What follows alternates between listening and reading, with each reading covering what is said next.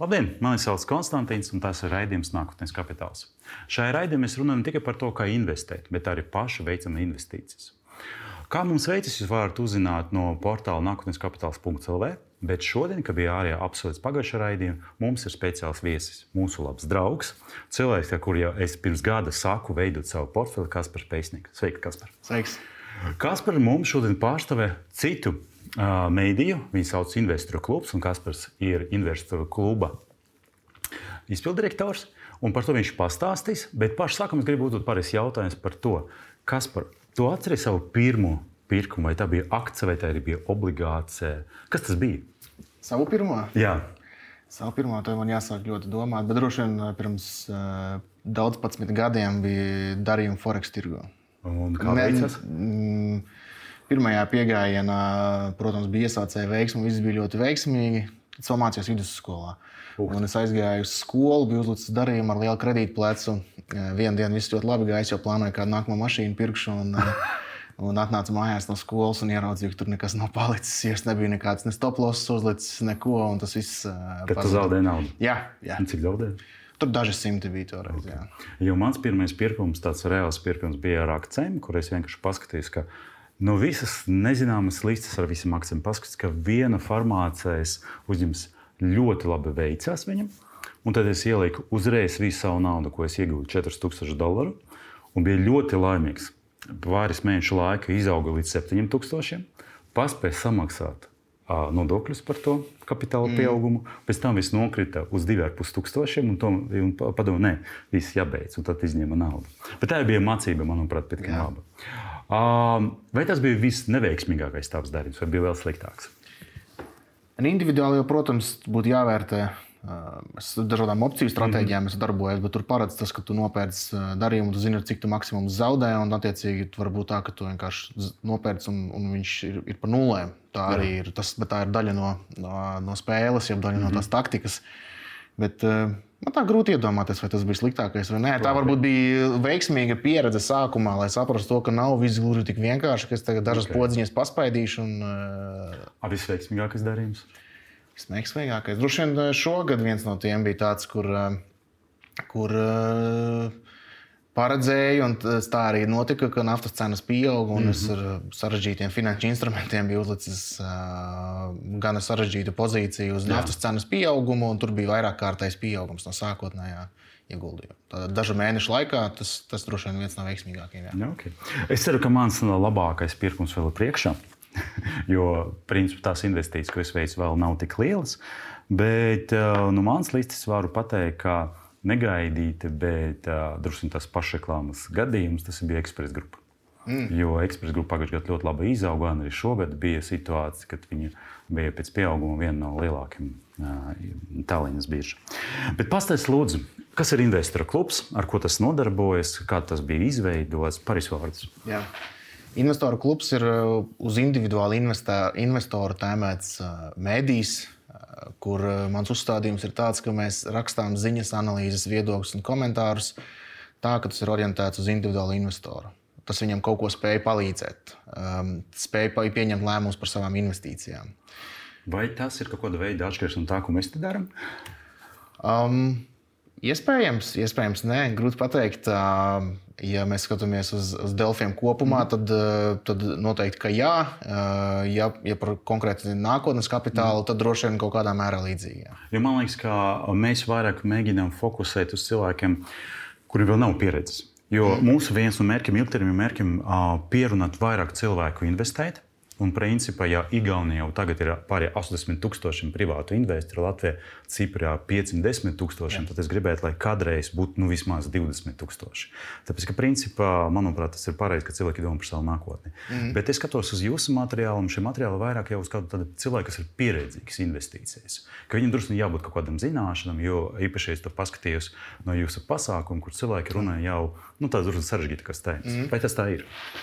Varbūt tas nav tā mētiecīgi mhm. veidots, mm. bet uh, doma ir par, tomēr, par, par cilvēkiem, kuriem jau kaut kāds kapitāla apmērs ir. Mums nav mm. noteikts nekāds neapmērs, nekas, kas būtu jēdzīgs, ar kuru sākt vai, vai par to domāt.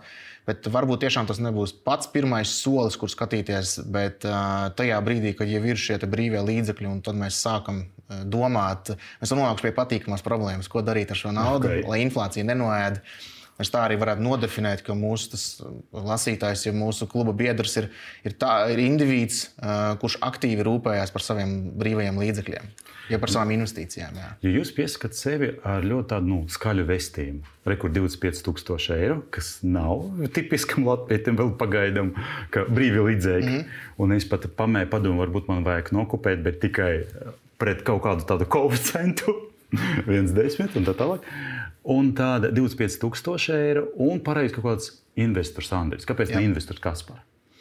Uh, labs jautājums. Kāpēc? Kas ir Andris? Kaspars? Andris ir izdomāts personāžs. Jā, bet ir, tas esi tu. Ne tikai es, tā mūsu redakcionālā komanda, kas, okay. kas pieņem lēmumus par to, kādas investīcijas mēs veiksim. Un, uh, tur nav tikai mans viedoklis, uh, bet uh, tur ir kopums, kurš nāk klajā ar idejām. Un, uh, un ja kaut kas mums ne, visiem nepatīk, tad mēs nedarām, vai, vai, vai visiem ir jāpatīk, lai mēs kādu darījumu arī veiktu. Un mēs esam aizgūši šo principu no mūsu brāļa investora Tomasa, kas mm -hmm. ir Igaunijā plaši zināms. Uh, projekts, kur precīzi tādā pašā veidā tiek organizētas investīcijas. Viņš savukārt iesāka ar vēl lielāku summu, 2000, vairs neatceros, 2004. gadā ar miljonus kronām, kas pēc kursa ir 64,000 eiro. Tāds vēl lielāks. Bet es teiktu, ka Tas investors Andris ir būtībā tāds nu, mūsdienu jaunā, profesionāļa, veiksmīga spogulis, kurš ir labi spējas strādāt, ir spējas atlikt malā naudu. Un tad tieši 2021. gada novembrī, kad jau jūt, ka inflācija nāk, viss ir labi, mm -hmm. ir tomēr jārūpējas par savu naudu. Un tieši tajā brīdī arī investors Andris ir sācis. Līdz ar to viņš ir tieši spogulis tam, eh, ko mēs domājam, kas ir viens no, viens no mūsu tādiem tiešākajiem lasītājiem. Tas ir. Tas ir interesanti, tāpēc, ka uh, man drusku tas atgādina stāstu par uh, vācu reklāmu. Jo vecā reklāmu, reklāmas tēls ir jauni cilvēki, veči mums 25 gadiem, ar ļoti laimīgi, ar ļoti labu veselību, ļoti labu izskatu. Un pēc tam Vācijā saskaitīja, ka tādu vispār ir tikai viens vai pusotrs procents no visas tas Vācijas sabiedrības. Ja tu saki par to, ka nu, tas ir tas stils, nu, būsim realisti. Vēl nav tik daudz mūsu programmētāju. Es atceros, ka bija pieminēts, mm. ka būs programmētājs, un, un kuram ir tādi tā brīvi līdzekļi. Viņi ir, bet, bet tik un tā tas mēs joprojām runājam par to, ka tas ir okay, cilvēkiem, kuriem jau ir kaut kāda stabilitāte. Jā. Atšķirība no mums, mūsu galvenā stratēģija, tad, kad mēs runājam ar saviem skatītājiem, mēs sakām par to, ka, ja jums ir 50 eiro, jūs varat to 50 eiro katru nedēļu investēt, ka nav vajadzīgi 25,000. Uh, iespējams, ne 50 eiro, bet 20, 10 vai 30, tāpēc, ka Interactive Brokers platforma, ko mēs izmantojam, vai Svetbank, jūs varat veikt un pirkt daļas no akcijiem. Bet, ja mēs runājam par uh, investoru Andri, kāda tur ir stratēģija? Jo mums ir stratēģija augsti vai lēni, mēs visu laiku pērkam, pērkam, pērkam. Tādā veidā mēs dabūsim mm. gan dārgu cenu, gan zemu. Viens no iemesliem, arī, kāpēc ir šāda vienkārši sākotnējā summa, un mēs neliekam ne klāt, ne neņemam mm. ārā līdzekļus, ir vienkārši, lai pēc iespējas vienkāršāk ir veikt uzskaiti. Mm -hmm. jo pēc aprēķiniem, nu, aprēķinu veikšanas dēļ, ja mēs sākam veikt ikmēneša maksājumus, Es zinu, kā aprēķināt, bet tas paliek ļoti sarežģīti. Tīpaši nu, ļoti laikietilpīgi. Un vienkārši iesākt ar eh, vienu, ar vienu, ar vienu summu, un. Eh, un pēc tam mēs paskatāmies, cik viņi ir izmainījusies. Un atkal mēs nokopējuši tieši to pašu investoru Tomasu, kurš vienreiz iesāka. Vienīgais, viņa, bet īstenībā tas ir ieguldījums. Viņš ir ieguldījis investoru Andra kapitālu. Bet tur ir divas lietas. Tur pirmā lieta sanāk tā, ka viena no tām grāmatām, kas raksta par investīciju, vienmēr saka par to, ka jebkurš mērķis vienkārši, ja viņš veido ikmēneša maksu, var apspēlēt profesionāli. Un arī ir pierādīts, ka tas starpība starp pirkumiem, kad ir zemākais posms, ikmēneša pirkumi nu, nav tik liela. Un šajā gadījumā tas grāmatas raksts par to, ka jo vēlāk tu pārdosi, jo labāk tev būs situācija. Ja tikai tu investē, protams, pārbaudītas akcijas, mm. kas jau eksistē, nevis kaut kādas jaunas akcijas. Bet vai šajā gadījumā, tad, kad jūs pērkat un pārdodat, jūs saprotat, ka jau bija pirmie, pirmie pārdošana, jā, bija viena. Jā. Jā, tad vai nav tā, ka jūs drusku zaudējat? Jo principā būtu pareizi nopirkt un turēt desmit gadus, un pēc tam saskaitīt visu peļņu. Pilnīgi iespējams, ka tā var gadīties. No otras puses, mēs vērtējot ekonomikas prognozes un to, mm -hmm. kā mhm. mēs skatāmies uz attīstību, mēs saredzam to, ka varbūt būs iespēja kaut vai to pašu akciju nopirkt lētāk. Un tādā ziņā investors Andris ir, ir gan aktīvs investors, tādā ziņā, to, ka viņš izvēlās atsevišķas akcijas. Un, un viņš pērk tās, tās, kas viņam patīk, bet tad, kad ir mainījusies nu, šī tēze, jeb doma, jeb mainījušies apstākļi, tad mēs arī pārdodam. Kāda ir princips zem tā visa? Jo, es, cik es atceros, vēl ne visa nauda ir ieguldīta. Vēl jā, ir brīva līdzekļa. Jā, jā. Es to varētu noraksturot tā, ka mēs nu, komandai, ja, kas, kas ir aiz investora Andra, mēs vairāk skatāmies uz to, ko mēs paši plus mīnus zinām. Mums ir svarīgi, lai mums būtu saprotama nu, valuācija, ja mm -hmm. ir, viņš ir adekvāti novērtēts. Un mēs spējam ieraudzīt to, to nākotnes potenciālu šim uzņēmumam, un arī, ka viņš ir nu, spējas kaut kādu rezultātu mums dot. Un, un te šajā gadījumā par pārdošanu. Mēs sagaidām, ka varētu būt ļoti grūta ziema priekšā tieši no sabiedrības patēriņa skatu punkta. Tad mēs pārdodam uzņēmumu, kas tieši ir uh, savus ienākumus ģenerē no, no plaša patēriņa. Tas ir mazam, mazumtirdzniecība. Ja? Un, okay. ja mēs sagaidām, ka tur ies mazāk līdzekļu, tad varbūt mēs vienkārši izējām ārā. Protams, mēs zinām, mēs varam kļūdīties, un varbūt jau zemākais punkts ir aiz muguras. Tā arī var gadīties. Jo arī pirms gada mēs ar tevi runājām, kas varētu sagaidīt augstas inflācijas laika, un tad bija divas tēzes. Pirmā tēze bija gāze. Un tāpēc šajā gadījumā es nopirku akcijas, kas ļoti labi mm. parādīja. Bet otra tēze bija tā, ka centrālbankas palnas kreditlikmes un banku sektoru veiksis labi. Un tad bija GPM Morgan, kas īstenībā ir otra puse no vismaz manam akcijam, kur bija viszemākais ienesīgums. Bet, ja tu būtu iespēja Andrim atgriezties pagātnē, kāda būtu cita lēmuma? Jo no vienas puses tas tagad ienesīgums ir kaut kur minus 2%. Pusotrs procents. Tieši tikko, tikko okay. pārbaudīju. Pusotrs procents. Kas ir labs sistēma, tas ir ļoti labs rezultāts mm. salīdzinājumā ar ko, kas notika SMP vai, vai, vai um, Baltijas birža. Bet uh, es varu pateikt, ka man vēl bija nu, mīnus 0,5. Lieliski. Uh. Bet jautājums šajā gadījumā ir tāds, un īstenībā divas dažādas stratēģijas. Mm. Viens, es vienkārši investēju periodiski, jūs mēģināt atrast to labāko momentu. Ja būtu iespējams atgriezties pagātnē, kāda būtu cita lemta? Um, Es par šo jautājumu daudz domāju, un uh, man jāsaka, ka īstenībā man nav tādas pārliecības, ka būtu kaut kas īpaši bijis jādara citādāk. Uh, jo tajā brīdī, izējot no tiem apstākļiem, ko mēs tajā brīdī gaidījām, vai kad mēs veicām pirkumus, un, piemēram, daži pirkumi bija veikti tieši februāra sākumā, pirms Krievijas iebrukuma Ukrajinā. Uh, Turpat šobrīd, skatoties, man jā, nu, tas būtu negodīgi, ja teiktu, ka vajadzētu mm -hmm. kaut ko citādāk darīt. Es vienkārši nevarēju zināt, ka tas tā, tajā brīdī tur būs.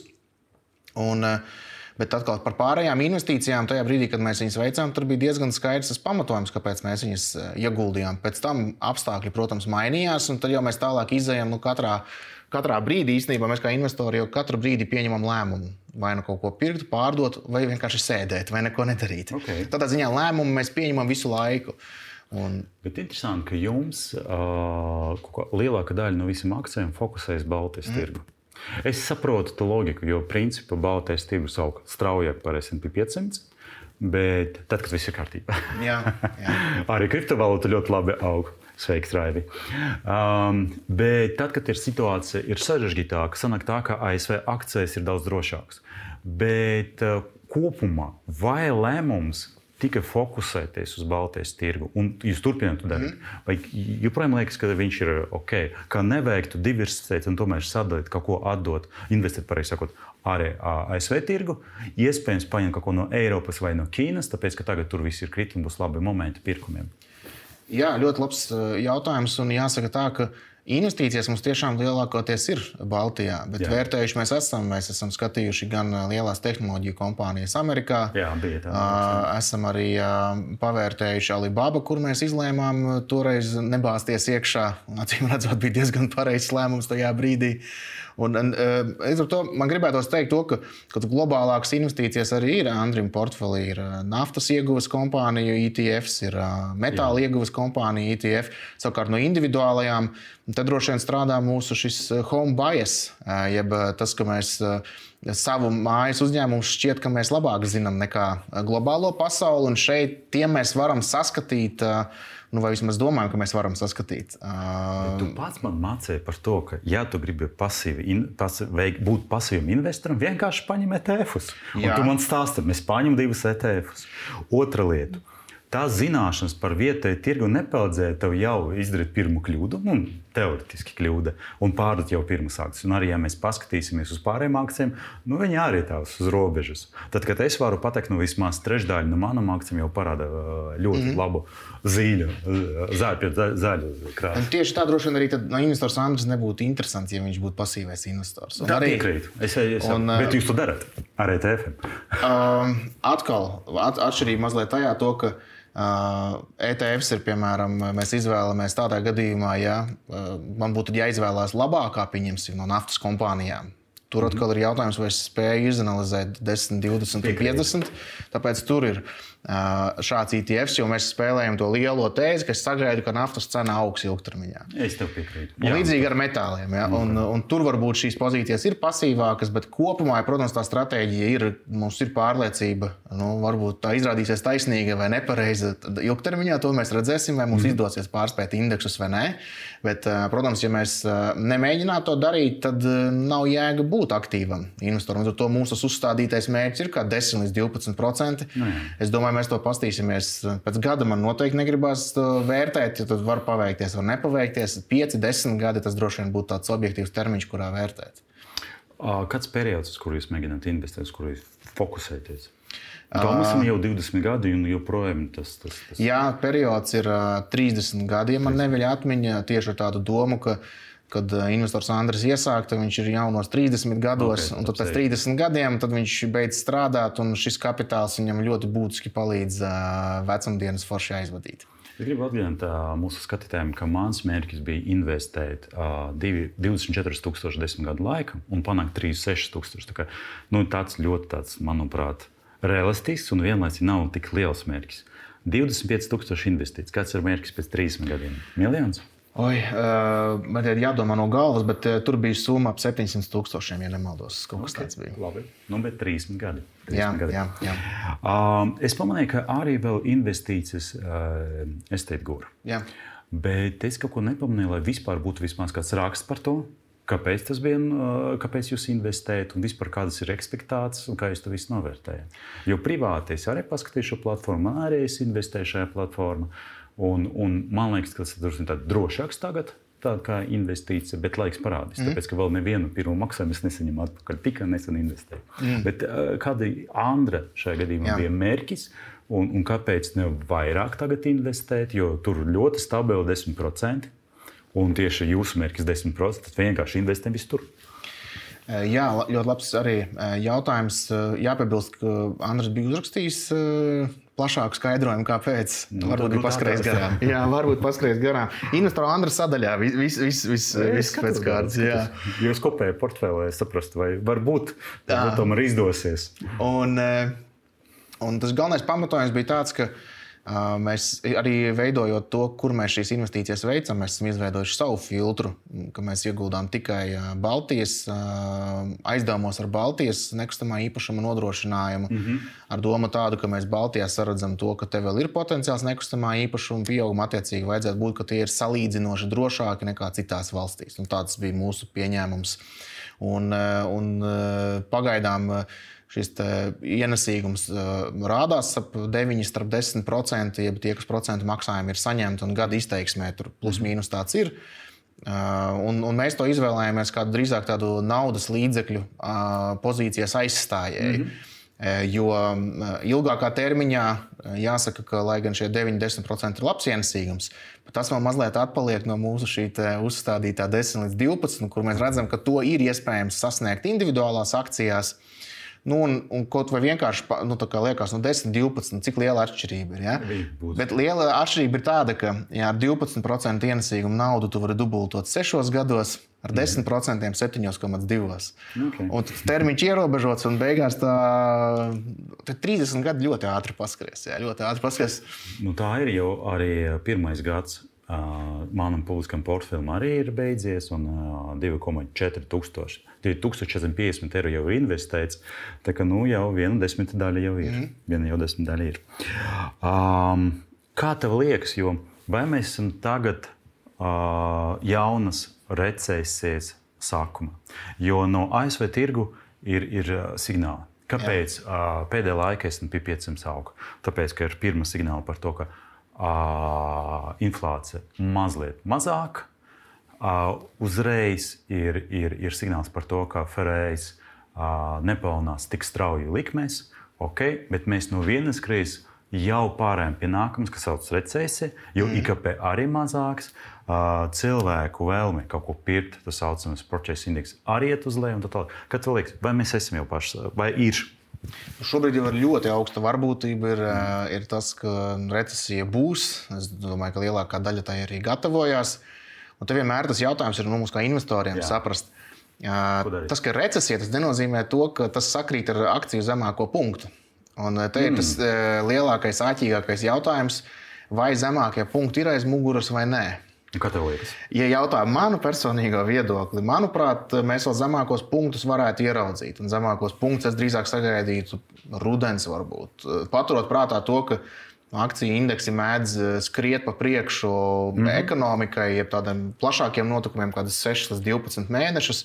To drūmāko, droši vien, ekonomisko stāvokli varētu sagaidīt kaut kad ziemā. Nu, īpaši, ja mēs paskatāmies no mūsu perspektīvas Jā. šeit, Eiropā tad eh, droši vien ziema tas varētu būt tāds uh, drūmākais periods, pēc tam pavasaris arī. Un, attiecīgi, mm, varētu būt tā, ka mēs kādā oktobrī, novembrī ieraugām tiešām zemākos punktus. Līdz tam, e, manā skatījumā, likmes turpinās celt gan, gan Eiropā, gan, gan ASV. Un tas bet būs signāls. Iet, bet tas samazinās, uh, turpinās samazināt tikai pieaugumu, ja būs vēl augstākas likmes. Jā, jā nu, svarīgākais šobrīd, acīm redzot, ir mēģināt dabūt lejā inflāciju. Tā, tā inflācija. Okay. Kā tev liekas, šī recesija vai krīze, vai viņa atšķiras, būti, atšķirsies būtiski no 8. gadsimta? Ko mums sagaida? Ko, sa, ko sagaida Andris? Jā, es domāju, ka viņi atšķirās būtiski tādā ziņā, to, ka uh, nu, mums nav tik lielas pārmērības. Un, nu, kaut vai tajos pašos nekustamā īpašuma tirgu, ja mēs varam no tādiem vienkāršiem piemēriem skatīties. Ja, Ja toreiz droši vien bieži vien pietika kredīta, kredīta dabūt, apgalvojot, ka man ir neoficiāli ienākumi mm -hmm. tādi, ja tad šobrīd, ja tev nav oficiāla alga vai tev nav dividendes daudzus gadus saņemtas, ja tu vari pat nemaz neiet uz banku, neko Jā. nevarēsi dabūt. Līdz ar to ir jau krietni atfiltrēts tie, kam vispār dod.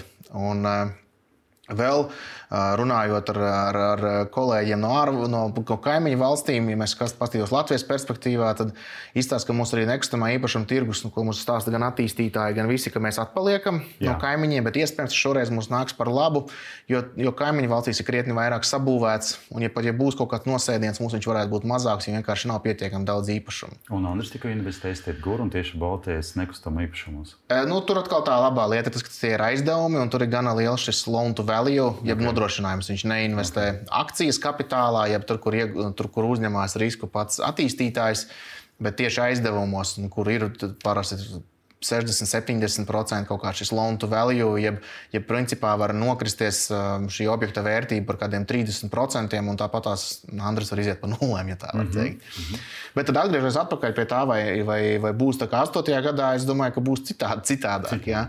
Varbūt es nesagaidītu, ka būs uh, tik traki, um, kā, kā bija tad. Un arī šogad visticamāk būs ļoti dažādi tie ātrumi, nu, ka kādam Jā. būs krietni smagāk cits, kurš varbūt kurina ar malku, tas netik ļoti izjutīs.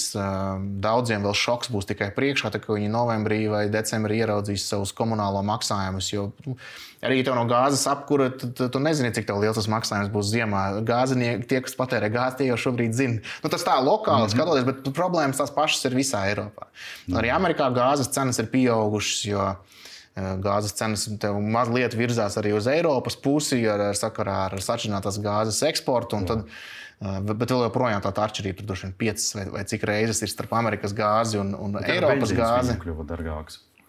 Jā, un, un, un es, es nesagaidu, ka būs tik traki kā 8. gads, būs citās vietās. Es pieņemsim arī kā investors, es negaidītu to, ka būs iespējas. Nu, šobrīd es neko nedarīšu, tāpēc, ka būs iespējas nopirkt īpašumu uz pusi lētāk. Mm, varbūt arī šo iespēju varēs palaist garām. Ja? Okay. Uh, un savukārt no, no akcijām uh, Ja skatās tajā pašā investora Andra portfelī, mums domāju, ka tur lielākoties ir pozīcijas, kuras arī šos laikus, jo viņas jau šobrīd ir salīdzinoši lēti novērtētas. Un, mm. Un, un, un tas potenciāls ir gana labs, lai nu, pat ja būs zemāki līmeņi, visticamāk, būs akciju cenām zemāka līmeņa, ka e, nav runa par izdzīvošanu, drīzāk runa par to, ka tur var būt gana strauja arī izaugsme pēc tam. Nu, skaidrs. Nu, paskatīsimies, vai redzēsim, redzēsim. Tur jau tā lieta, tā, tā ir tā lieta ar tā aktīvo ieguldīšanu, ka var izrādīties taisnība, var kļūdīties. Mm -hmm. un, mhm. Un, protams, ja gribās dabūt, mēģināt dabūt augstāku ienesīgumu nekā tirgus vidējiem, kaut kas ir jādara citādāk. Var sanākt, var nesanākt. Nu, un raidījuma noslēgumā es gribu pajautāt, ja mm, es esmu jauns investors, kurš tikai plāno darīt uh, savus pirmos soļus, kādi tavi būtu trīs padomi, kas man tagad jādara? Mm. Es, Kur vēl nav 25,000? Jā, jā, jā. Vai pagaidām 50 eiro tikai nedēļa? Es varbūt pirms investīcijām es tomēr ieteiktu tās pamatlietas sakārtot, mm -hmm. nu, mhm. kas personīgo finanšu, ja tur drošības nu, pilvens. Kredīti, jā, jā. jā, jā teiksim, ja tās lietas ir sakārtotas, tad pēc tam var sākt ar kā piemērs kaut vai ar Baltijas akcijām, ja gribās būt aktīvam. Es, es tomēr mm -hmm. vēl uzdodu papildus jautājumus. Vai labāk pasakāt? Papildus jautājums ir tāds, cik daudz laika mēs tam gribam patērēt. Jo... Es domāju, ka pašā sākumā, jo pasīvāks un drošāks, jo labāks. Jo tikai pēc tam, jo, jo lai nem tā, ka man risks bija ļoti liels. Tagad es saprotu, tas bija vienkārši lielākais tuvums investēt visu naudu viena nezināma akcija un, un sagaidīt brīnumu. Bet tieši filmas arī tieši par šādu variantu stāsta, ka jebkurš sākums ir pareizāk pasīva investīcija, mazliet padzīvot, paskatīties un tikai pēc tam iet kaut kur tālāk. Bet tas, tas ir mani padomi, bet tā ir padomi. Um, Es tomēr uzdodu to jautājumu, ka pašam ir jāmēģina saprast, cik daudz tam laika esmu gatavs tērēt. Nu, mm. vispār investīcijām kā tādām, cik daudz laika pētīt, esmu gatavs informāciju lasīt un tam līdzīgi. Jo mazāk laiks, jo esam pasīvāki. Tātad okay. pasīvā ieguldīšana. Eh, jo mēs, ja mēs esam gatavi to laiku tērēt, tur mācīties, analizēt, pētīt, tad arī 50 eiro ir ļoti labs sākums priekš Baltijas akcijām. Ir īpaši, ja mēs šobrīd to varam bez, darīt bez komisijas maksas. Mm -hmm. Es teiktu, arī Baltijas šobrīd ir ļoti interesantas eh, investīciju iespējas. Nesen mums IPO viens bija, un, un droši vien, ka tuvākajā laikā tie IPO Jā. būs pamazāk. Bet, bet kuru Andris nepiedalījās? Jā, Andris izvēlējās nepiedalīties, jo Andra uzskatos ir tas, ka līdz brīdim, kamēr mēs mēs nonākam līdz eh, bankai. Ir iespēja, ka viss kaut kas var termiņā atlikties, kaut kas noiet greizi. Un varbūt būs brīži, kad varēs iegādāties lētāk nekā IPO. Mēs arī runājam par to raivi un arī nolēmām, ka tomēr labāk neinvestēt. Bet es turos pie cita principa, jo uh, grāmatas, ko es lasu, tur arī ir uzrakstīts Pēc IPO sešus mēnešus laika jāsagaida, jo pēc sešiem mēnešiem īpašniekiem būs tiesības pārdot akcijas. Un tad tikai pēc sešiem mēnešiem mēs uzzināsim, cik tas akcijas tiešām ir vērtīgāks. Un atkal pagājušajā gadā man bija privāts uh, investīcijas NFTPO, kas ļoti labi sev parādīja, mm. un vienlaicīgi Delfina grupa, ko es arī paspēju pārdot. Bet virs bija nākamais, ko Andris investēja. Starp citu, Delfina grupa ir atpakaļ gandrīz pie IPO cenas, un pa vidu ir gan labas dividendes izmaksājis. Tas ir fakts, un par to es domāju, ka es jau, jau, jau nožēloju. nožēloju. Bet uh, paldies, paldies Kaspar, ka tu šodien biji kopā ar mums, un es visam iesāku gan atvērt un paskatīties investoru klubs.lv, gan arī paskatīties nākotnes kapitāls.lv. Jo tas ir tomēr dažādi produkti. Viens iesaicējiem, otrais jau drusku pieredzīgākiem investoriem. Un es domāju, ka kopā mēs abi divi šie produkti ja pelnas interesi Latvijas iedzīvotāju vidu par to, kā pareizāk investēt, kā labāk to darīt un kā pelnīt savu kapitālu. Paldies jums visiem un tiekamies jau pēc nedēļas. Visu labu!